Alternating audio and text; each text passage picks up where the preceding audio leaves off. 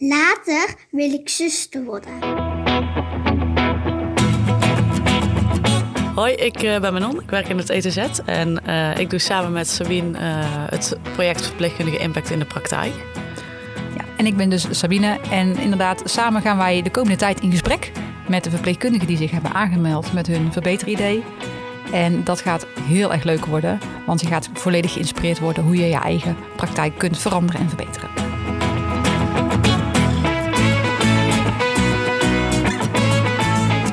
Welkom bij weer een nieuwe podcast. Ik ben Sabine en tegenover mij zit vandaag Lotte.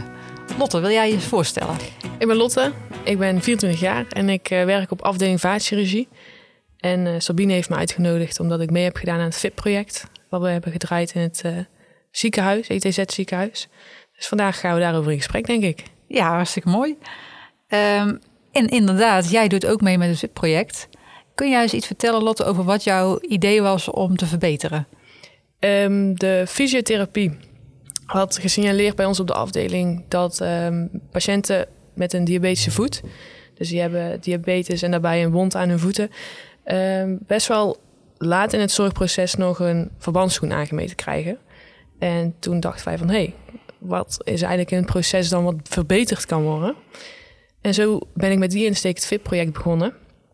En is het iets uitgebreider geworden van alleen de verbandsschoen naar het hele patiëntenproces. Uh, en daar heb ik afgelopen periode in kaart gebracht. En daar ga ik mee verder. Zo, dat is even een hele mooie switch van uh, ik ga eens even kijken wat er, uh, wat er beter kan naar ik ga eens even een heel proces bekijken. Maar Lotte, ik, ik weet helemaal niks van diabetische voeten. Uh, dus wat is laat om een schoen aan te meten en, en wat is daar dan zo erg aan?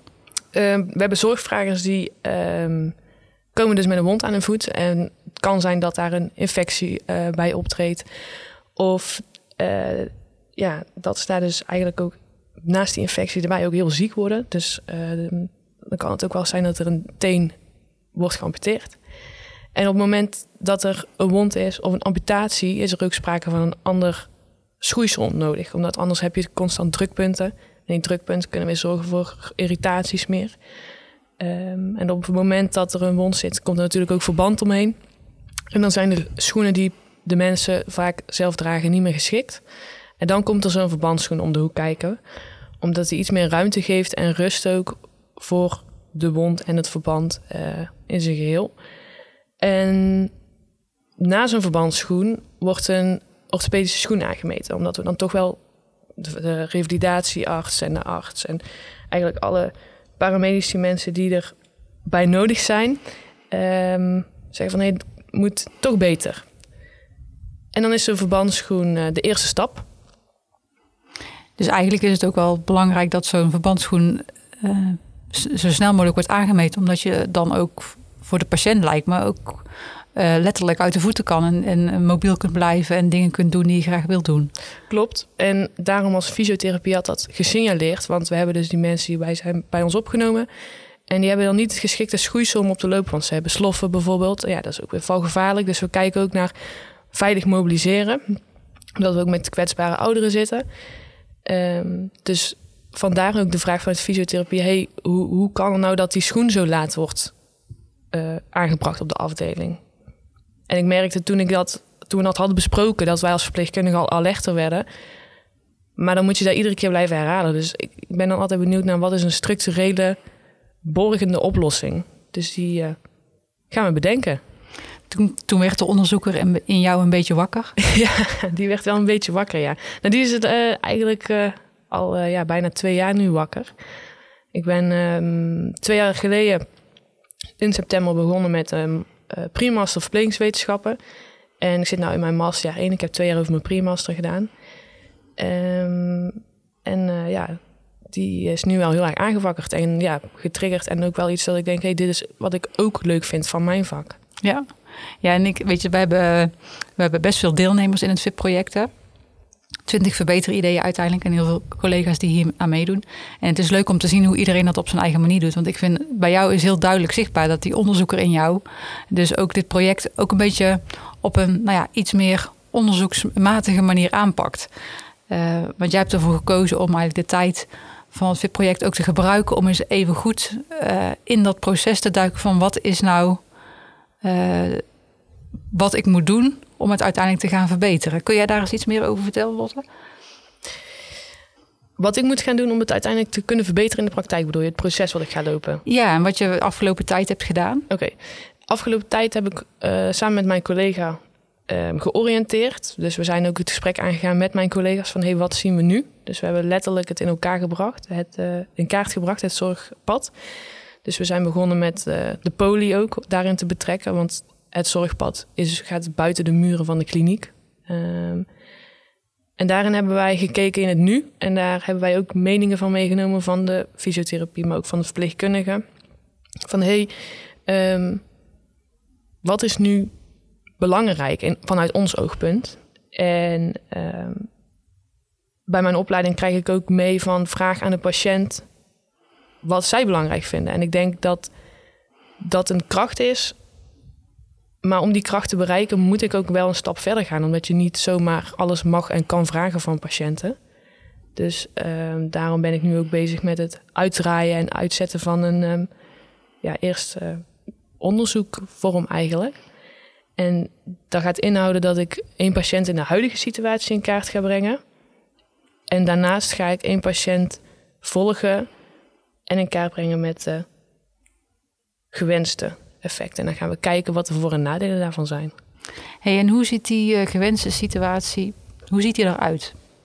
Die ziet eruit um, om alle ja, schakels in de zorg op de juiste momenten in te gaan zetten. Dus bijvoorbeeld um, als iemand geen thuiszorg heeft, dat we dat op tijd in kaart brengen. Dat we op tijd in de gaten hebben um, van welke zorg is er nodig en wie moet die zorg regelen.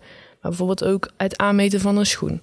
En eventjes daarin meenemen, of ja, ik zeg eventjes, maar daarin ook meenemen dat het belangrijk is dat het vervolg, dus iemand gaat met zo'n verbandschoen naar huis, maar dat hij ook op tijd opgevolgd wordt. Want we zien ook vaak dat patiënten terugkomen met de verbandsschoen nog aan. De kan zijn dat die nog voor de poli terugkomen, maar soms blijven mensen ook lang op die schoenen lopen omdat ze het gewoon fijn vinden. Maar als je te lang op zo'n verbandschoen loopt, is eigenlijk niet de bedoeling, hoor ik jou dan ook een beetje zeggen. Ja, want het is natuurlijk een, een, een beetje net zoals wat de schoen. De, ja, het is gewoon een basisschoen. Dus het heeft geen. Niet alle schoenen hebben voldoende steun. Je hebt verschillende soorten verbandsschoenen, maar de schoenen waarmee we werken um, zijn goed voor de eerste periode. Maar daarna moet je wel over naar een andere stevige stap om ook te voorkomen dat er weer meer problemen kunnen optreden. Maar ja, vaak is het ook wel dat patiënten aangeven: ik vind het gewoon fijn en makkelijk. Dus, dus jij hoopt eigenlijk in die nieuwe situatie dat die verbandsschoen eerder aangemeten wordt. Mm -hmm. En gaat het dan over één soort verbandsschoen die je, die je kunt uh, aanmeten? Of, of, of, hoe werkt zo'n proces? Ja, daar zit ik ook middenin. Uh, dat is een hele goede vraag. Ik weet dat er meerdere opties zijn. En uh, ja, meerdere wegen leiden ook naar Rome. Maar daarin um, denk ik niet dat ik die keuze alleen ga maken. Die ga ik, uh, gaan we maken met um, de chirurg, met de revalidatiearts. En daarin ook meenemen de leverancier die we hebben. Maar um, ik ben ook van plan om te kijken gewoon buiten de muren. Dus te observeren en gewoon eens te vragen van... hey, hoe doen jullie het hier of hoe doen jullie het daar? En mijn bevindingen meenemen en weer terugleggen van... hey, dit kan ook. En niet daarin een besluit nemen, maar dat er gewoon wel breed wordt gekeken... en dat we een keuze maken. En misschien hebben we een top 5 of een top 3 van schoenen... en dat we dan ook kunnen uitleggen aan de patiënt van... hey, dit zijn de mogelijkheden. En ook een beetje die shared decision making weer terug laten komen bij uh, de patiënt. Omdat ja, als wij een heel mooi product neerzetten en ik heb het proces uiteindelijk afgerond, maar ik geef maar één ding omdat wij vinden dat beter is. Het moet ook een stukje zijn van wat de patiënt vindt. Um, dus ik weet nog niet precies hoe dat vorm gaat hebben, maar de idealistische blik die ik nu zou hebben, zou wel zijn dat ik zeg van hé, hey, we gaan een beetje de keuze ook bij de patiënt neerleggen, mocht dat ook haalbaar zijn vanuit ja. verschillende oogpunten. Ja. ja, dat is wel echt heel mooi. Je hebt me wel eens eerder verteld van een beetje, want uh, de ene patiënt die vindt het misschien helemaal niet fijn dat, dat je zichtbaar kan zien dat het een orthopedische schoen is. Of de ander die vindt uh, nou, bepaalde dingen in het leven belangrijk, waardoor je misschien toch voor een andere schoen kiest dan misschien de professional jou in eerste instantie zou aanbevelen. Ja. En dat is nou precies waar dan inderdaad dat shared decision, dat samen beslissen ook over gaat. Dus ik vind dat ook wel heel krachtig van jou dat je dat, uh, dat, je dat probeert mee te nemen. Hey, en uh, ik vind het een fantastisch project, omdat ja, jij noemt heel veel. Hè? Je doet multidisciplinair, je zet iedereen bij elkaar, je gaat het hele proces bekijken. Um, het is heel terecht dat je daar een soort van onderzoekje van maakt, want dit is heel mooi en dit, uh, dit laat zien dat er een heel mooie verbeterslag uh, in, in, de, in de lead zit eigenlijk. Maar uh, dat je dat ook stap voor stap wil doen en ook wil kijken, wat kunnen we daar nou van leren? Als je nou terugkijkt, Lotte, op, op jouw deelname van het FIT-project, wat heeft jou dat nou gebracht? Ook al ben je al misschien een beetje een verpleegkundig onderzoeker en zit het al in jouw aard? Wat is nou de meerwaarde geweest dat je tijdens dit VIP-project ook uh, dit met elkaar kon doen?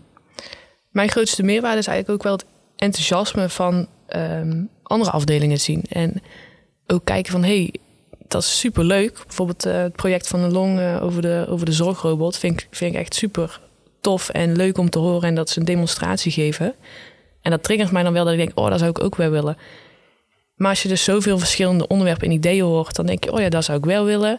Of dat zou ik niet willen. En dan ga je nadenken van, hé, hey, maar is dat haalbaar? En sommige dingen zijn ook per patiëntencategorie um, moeilijker haalbaar, omdat het misschien onvoldoende aansluit. Of je moet ook een beetje kijken naar vraag-aanbod. Um, en elkaar enthousiasmeren is ook leuk. En, en, en het naar boven halen. En de, en de discussies die, die ontstaan in de VIP-projecten zijn ook in mijn ogen heel waardevol en heel erg leuk. En um, daarin ook meenemend dat um, naast mijn studie doe ik het dus. dus. Het is soms wel een beetje pieken en dalen bij mij in studielast. Met daarbij eigenlijk alles wat ik leuk vind. Onder andere ook het VIP-project. En dat um, stilstand is geen achteruitgang als je maar niet vergeet hulp te vragen. En op tijd hulp vragen, uh, stellen van hé, hey, ik kom er niet aan uit. Zorgt er wel voor dat je onbewust en bewust wel mee bezig bent. Maar dat je niet erin achteruit valt.